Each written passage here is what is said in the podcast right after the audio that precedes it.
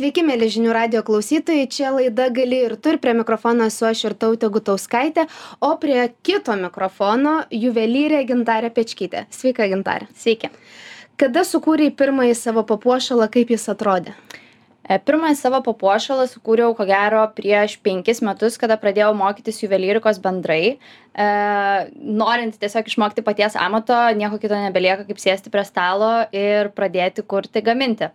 Tai iš pradžių, aišku, bandžiau turbūt kopijuoti jau kažkokius esamus papuošalus, tai ką mačiau tiesiog internete ar ant kitų žmonių. E, kūryba prasidėjo, aišku, šiek tiek vėliau, nes e, vis tiek mano pirminis ir pradinis tikslas buvo išmokti techniką, suprasti, kaip apskritai pasigamina papuošalas, kaip reikia viską daryti ir kai tu žinai tuos pagrindinius elementus, kaip kurti papuošalą techniškai, tada prasideda kūrybiškoji dalis, dizaino prasme ir taip toliau.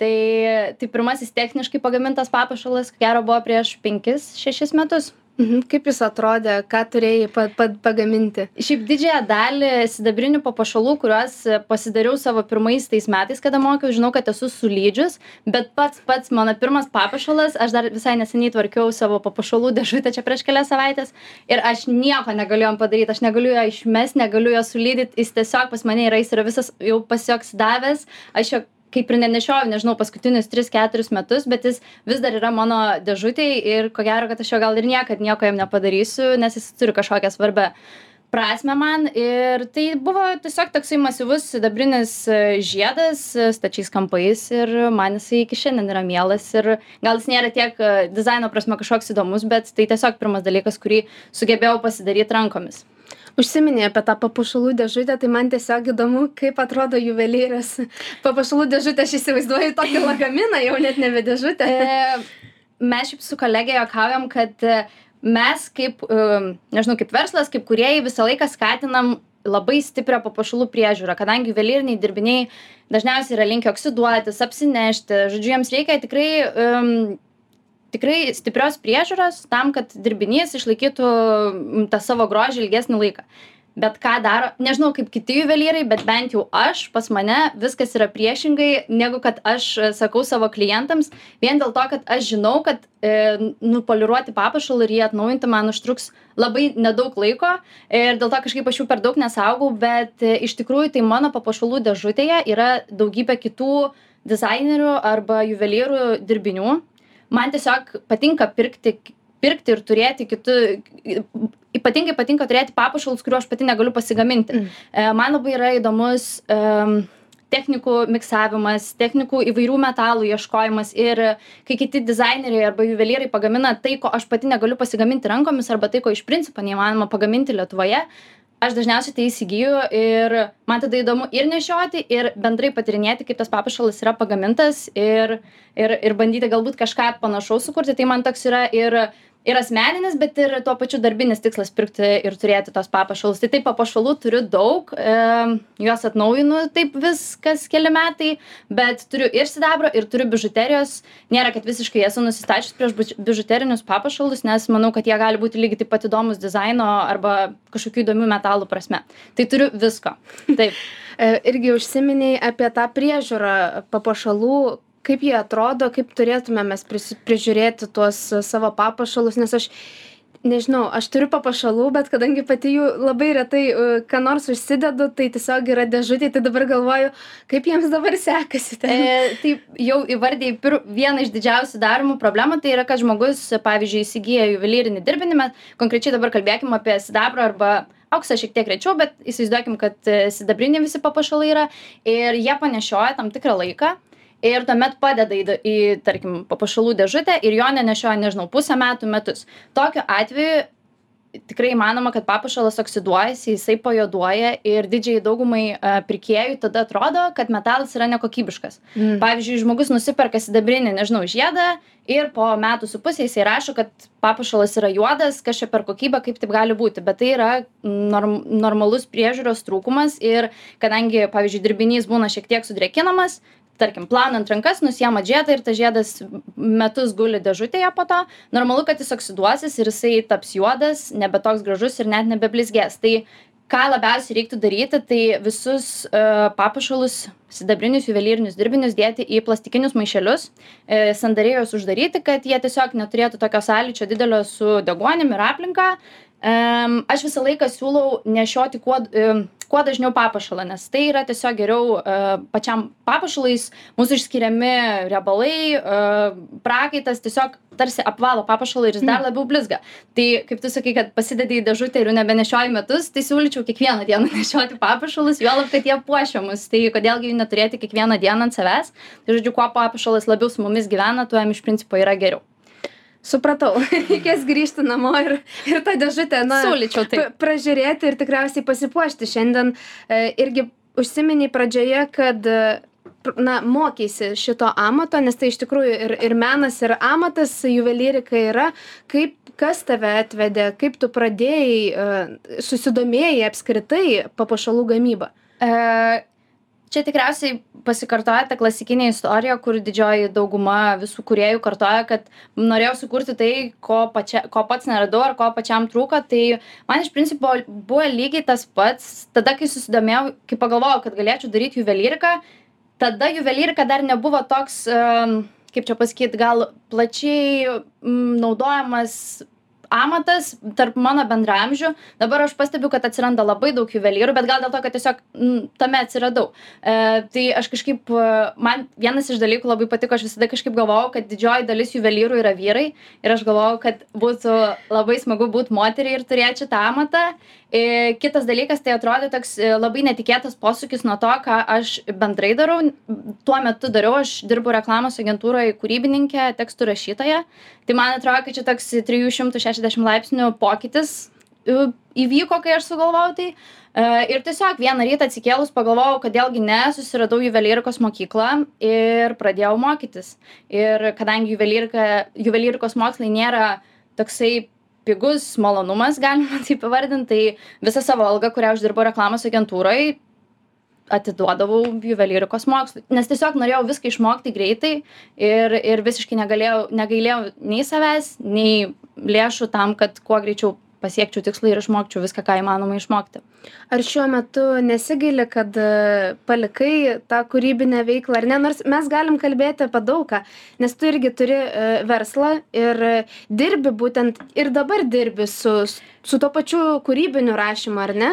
E, aš iš viso sakau, kad e, aš niekada neatsisakau, jeigu kažkokiu gaunu pasiūlymų e, parašyti reklamą, tekstą, sugalvoti kažkokią idėją, man visas tas kūrybinimas yra vis dar arčiausiai širdies esanti profesija bendrai. Man tai yra tiesiog įdomu, tai yra kažkoks iššūkis, bet aš manau, kad e, turėdamas savo verslą, kurį dabar turiu, aš puikiai pateisinu visus tuos savo lūkesčius kūrybinius ir aš netgi manau, kad, nu, per savo būtent šitą verslą ir pasiekiu tai, ką noriu. Jeigu aš noriu kurti vat, kažką įdomaus iš reklaminės pusės, aš bandau tą daryti. Jeigu man kyla noras sukurti kažkokį įdomesnį papuošalą, aš tą darau. Turiu omeny, kad e, kūrybin, ta, kūrybinis procesas išliko, tiesiog gal pasikeitė patys procesai kurti papuošalą kurti nežinau tekstą kurti reklamą ir taip toliau visa tai yra tiesiog e, tiesiog kita kitais būdais aš vis dar tą darau Man atrodo, tu tiesiog sujungiai savo dvi, dvi kūrybinės pusės. Ar gerai suprantu, kad dirbi šiuo metu prie dviejų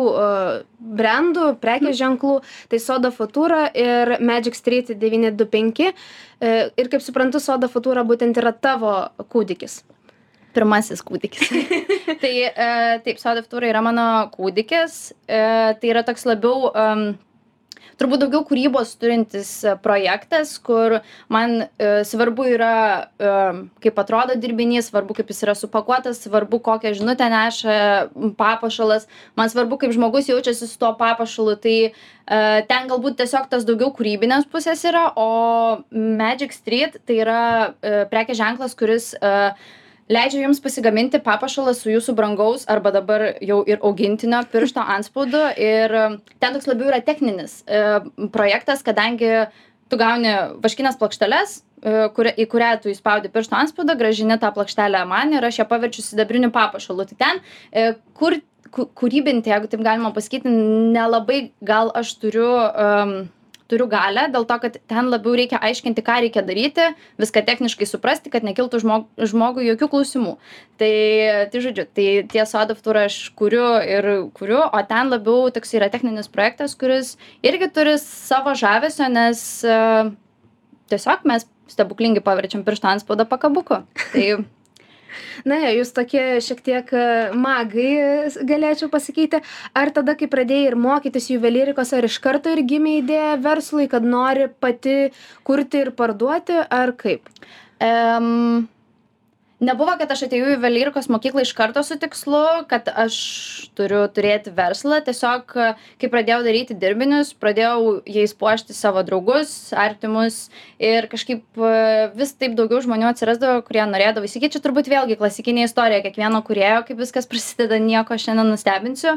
Bet taip tiesiog pradėjo plėstis tas ratas ir supratau kad pirmas dalykas gau gaudavau vis daugiau užsakymų ir supratau kad tai ko gero gali tapti gerų pajamų šaltiniu ir ir ir jo ir atėjo tas laikas kada turėjau palikti agentūrą ir pradėti kurti jau tiktais juvelyriką. Kalbant apie užsakymus, kiek šiuo metu per dieną daugiau mažiau plus minus gauni užsakymų ir kiek papuošalų padarai per dieną? E, nenoriu atskleisti konkretaus skaičiaus, kiek mes ko padarom, kiek mes ko išsiunčiam. E, galiu pasakyti tik tais tiek, kad e, viskas priklauso nuo kaip pasakyt nuo laiko. Pavyzdžiui kalėdos pas mus būna ypatingai užimtas laikas kai ten visada visada visada mes išsiunčiam krūvas užsakymų. Vasarą šiek tiek e, atsipalaiduojam bet e, yra toksai nepastovumas galima taip sakyti dėl to kad na tiesiog juvelyrika toks dalykas galbūt labiau tai dovana galbūt vis tiek turi kažkokį sezoniškumą.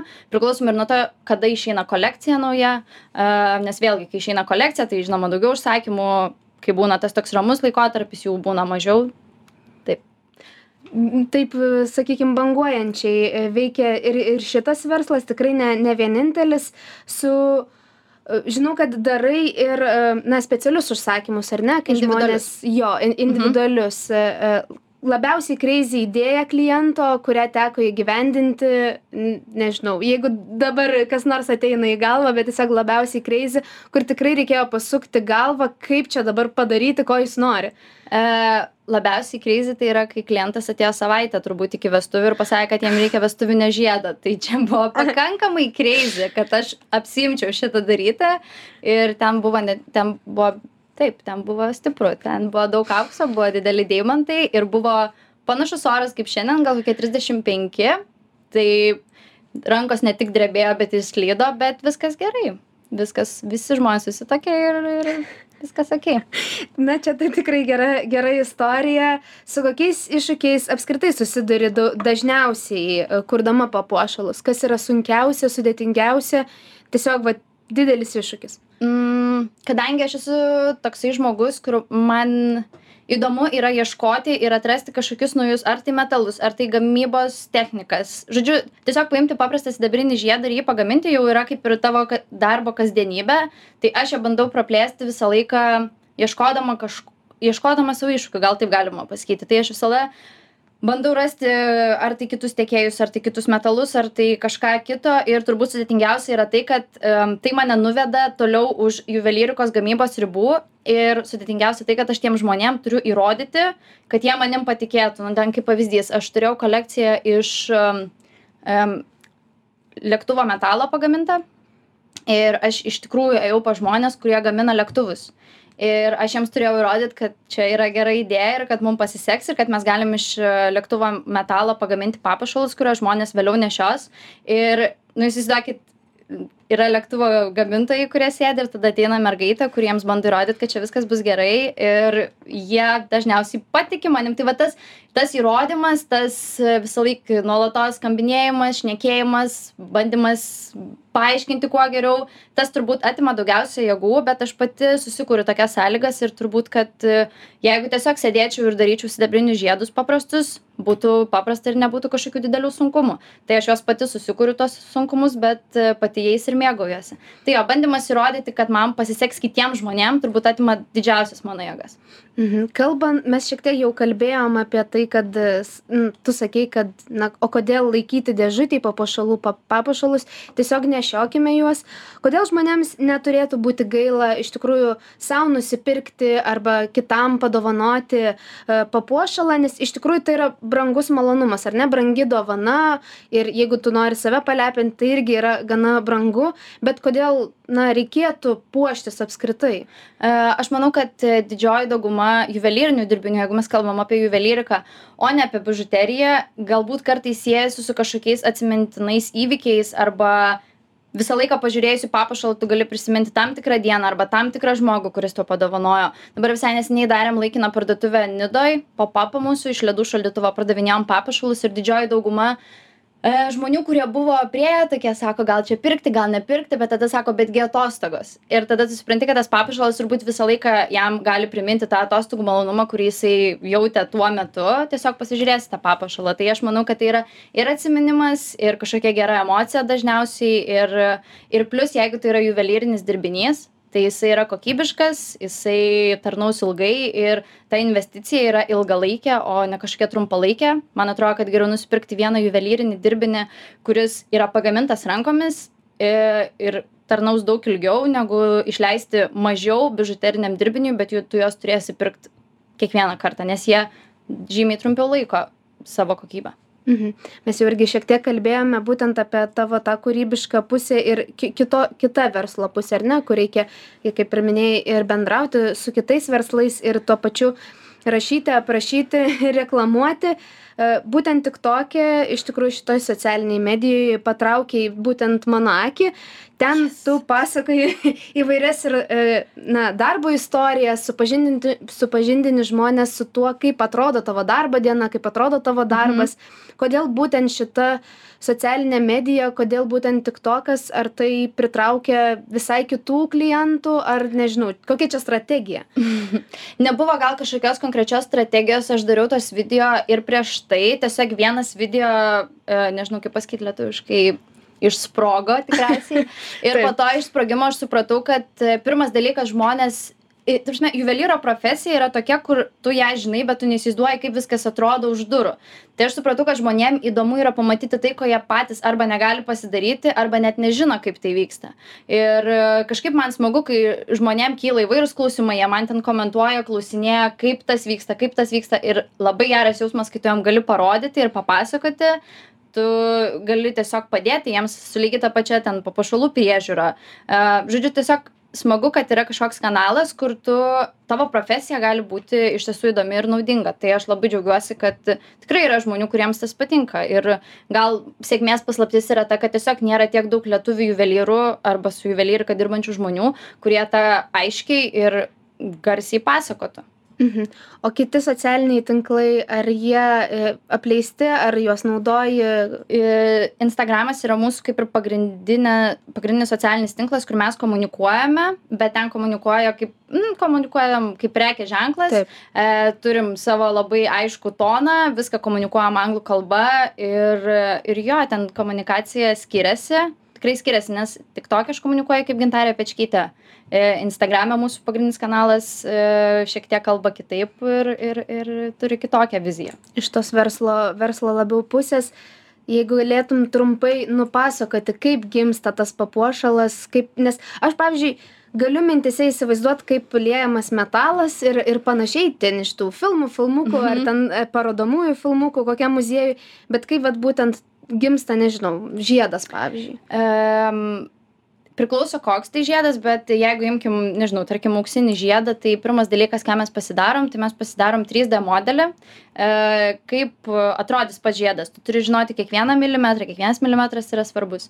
E, žinoti visas proporcijas. Žodžiu susikuri savo tobulą trys d žiedo modelį kurį tu vėliau išsifrezuoji pavyzdžiui iš vaško. Įmanomas toks dalykas. Ir tą vašką e, paverti sidabru tiesiog išlieji iš sidabro arba iš aukso nesvarbu. Ir tuomet seka visas apdirbimo procesas sudėtingoji techninė rankų dalis e, rankų darbo dalis. Tai tiesiog šlifuoji poliruoji kitais visais būdais apdirbi iki tol kol turim blizgantį gražų žiedą. Tai jeigu neskaitant tos kūrybinės dalies kur tu sėdi valandų valandas savaičių savaites ir galvoji koks tas dizainas šita visa dalis skamba gana taip techniškai paprastai e, sudėtingoji dalis man atrodo yra sugalvoti visą dizainą ir aišku ir techninė dalis lygiai taip pat yra sudėtinga nieko negaliu sakyti bet tiesiog turiu omeny kad techniškai padaryti žiedą kartais užtrunka trumpiau negu sugalvoti kaip tas žiedas turi atrodyti Mhm. Mes pokalbį pratesim, dabar trumpa pertraukėlė. Grįžtame į studiją, mėly žinių radio klausytojai. Čia laida gali ir tu. Ir šiandien studijoje gintarė, kuri pasakoja apie juvelyriką, apie tai, kaip e, atrodo juvelyro darbo diena ir kaip atrodo juvelyro verslas. Ir iš tikrųjų labai daug įvairių pusių papasakai. Ir čia prieš pat e, pertraukėlę paminėjai, kad e, iš tikrųjų tas sugalvojimas tas ar ne dizaino kūrimas kartais atima daugiau laiko tai pavyzdžiui vienas žiedas kuris na galbūt sudėtingesnis ar ne ir turi būti ypatingesnis nežinau šiaip neįsivaizduoju nes kadangi nesu to specialistė bet kiek užtrunka ar ne kaip sakai dizainas ir kiek užtrunka pagaminimas nežinau įsivaizduok patį galbūt sudėtingiausią kurį žiedą darei Labai sudėtinga yra pasakyti konkretų laiką, mhm. nes labai priklauso, ar žiedė, pavyzdžiui, yra e, brangakmeniai. Brangakmenių statymas atima didžiąją laiko dalį dėl to, kad reikalauja labai daug susikaupimo. Um, priklauso, ko reikia, ko norim. Jeigu reikia visos kolekcijos, tai gali užtrukti nuo vieno iki keturių mėnesių. Labai, labai sunku paskaičiuoti. Yra, kartais būna, kad tau šauna į galvą kolekcijos idėja ir tu ją visą supaišai per vieną dieną kartais reikia sėdėti ilgai ir galvoti ką sukurti tada aišku daugiau laiko užtrunka o Mhm. žiedo gamyba e, vėlgi sakau priklauso nuo labai mm, daug dalykų koks tas žiedas koks metalas. Vienas metalas apsidirba lengviau kitas sudėtingiau. Nepamirškim to kad niekad juvelyrikoj negali žinoti ar žiedas nežinau lituojant sudegs pavyzdžiui ar ją jisai susilydys ar jisai sulūš jį spaudžiant. Į ta prasme labai sudėtinga būna klientam sakyti kad žiedą pagaminsime rytoj dėl to kad tu gali paskutiniame žingsnyje jam kažką padaryti. Pavyzdžiui aš anksčiau gaminau žiedus su milžiniškais sferiniais rutuliais e, kuriuos reikėdavo taip du rutulius sulituoti per siūlę. Ir tu niekad nežinai ar tu sulituosi. Pavyzdžiui tas rutulys gali sprogt į abi puses išlėkti.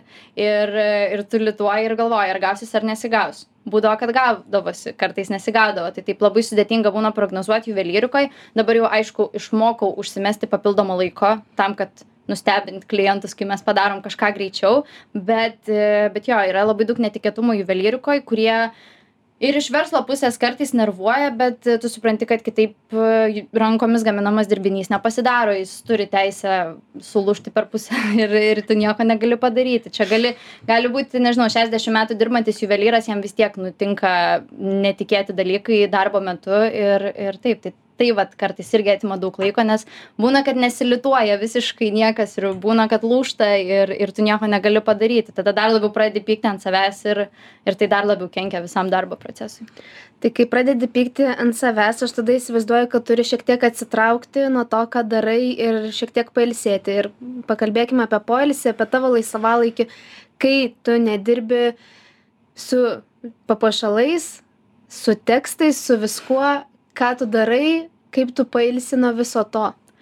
E, aš tikriausiai žiūriu, ką veikia kiti, turiu omeny, kad mane inspiruoja e, mados istorija, mados dizaineriai, e, žurnalai, man šitie dalykai labai įdomus, visi sėkmingi kuriejai, e, tai aš dažniausiai arba žiūriu istorijas jų arba skaitau tai kas vyksta dabar ką jie kuria dabar. E, žodžiu mane šitie dalykai aš negaliu sakyt kad aš visiškai tri nežinau trys šimtai šešiasdešim laipsnių atsitraukiu nuo to ką darau ir nematau to. Tai vis tiek mano laisvalaikis yra labai susietas su darbu juolab kad aš ir neturiu konkrečių darbo valandų. Jeigu reikia aš galiu į darbą ateiti nežinau trečią dienos ir pradėti tada dirbti ir dirbti iki nakties. Jeigu reikia aš galiu dirbti savaitgalį. Tai tas laisvalaikis mano yra vis tiek susimaišęs su darbu iš principo aš aš prisimenu kad kai aš mečiau darbą reklamoj aš pasakiau kad tai yra priežastis kad aš nedirbčiau savaitgaliais nes aš reklamoj kai dirbdavau tai aš savaitgaliais visus dirbinius darydavau ir mane tas labai išsekino. Ir aš kiekvieną kartą prisimenu šitą dalyką kai einu savaitgalį į studiją dirbti. Tai neįmanoma vis tiek pasirodo atsikratyti to klasikinio devyni šeši darbo ofiso laiko vis tiek vis tiek vis tiek tu sėdi ten ir ir žodžiu ir savaitgaliais kada reikia tada eini ir ir taip tai sakau susimaišo tas laisvalaikis su darbu kas nėra man kažkokia problema Mhm. Savaitgaliais kada prireikia dirbti, ar ne? Ar tai koks nors ekstra atvejis, kaip pasakai, kad savaitę iki vestuvių ateina prašyti vestuvinių žiedų, ar kodėl reikia žengti koją į studiją e, savaitgalį? Um, įvairios būna priežastys, kartais uh, kartais pavyzdžiui žinai kad per savaitę padarai mažiau negu turėtum padaryt ir tada atrodo kad pykstant ant savęs arba bandant e, kaip tik e, pateisinti save tu ateini savaitgaliui į studiją kad bent jau save įtikint kad gerai nu jau nedirbai šią savaitę pilnai tai bent jau savaitgalį čia sėdi. Bet e, bet būna kartais ypač per kalėdinį per kalėdinį laikotarpį kada įvairios priežastys gali būti pakavimas reikia išsiųsti siuntas nežinau. Įvairūs tokie procesai kurie kartais reikalauja nors ir trumpo bet vis tiek užsukimo į studiją. Plius mano juvelyrikos mokykla į kurią aš vis dar nueinu kartais pasidaryti kai kurių dalykų dėl to kad ten yra reikalingi prietaisai dirba šeštadieniais ir tai kartais būna priežastis kodėl aš einu dirbti. Supratau. Labai pabaigai laida ne veltui vadinasi gali ir tu.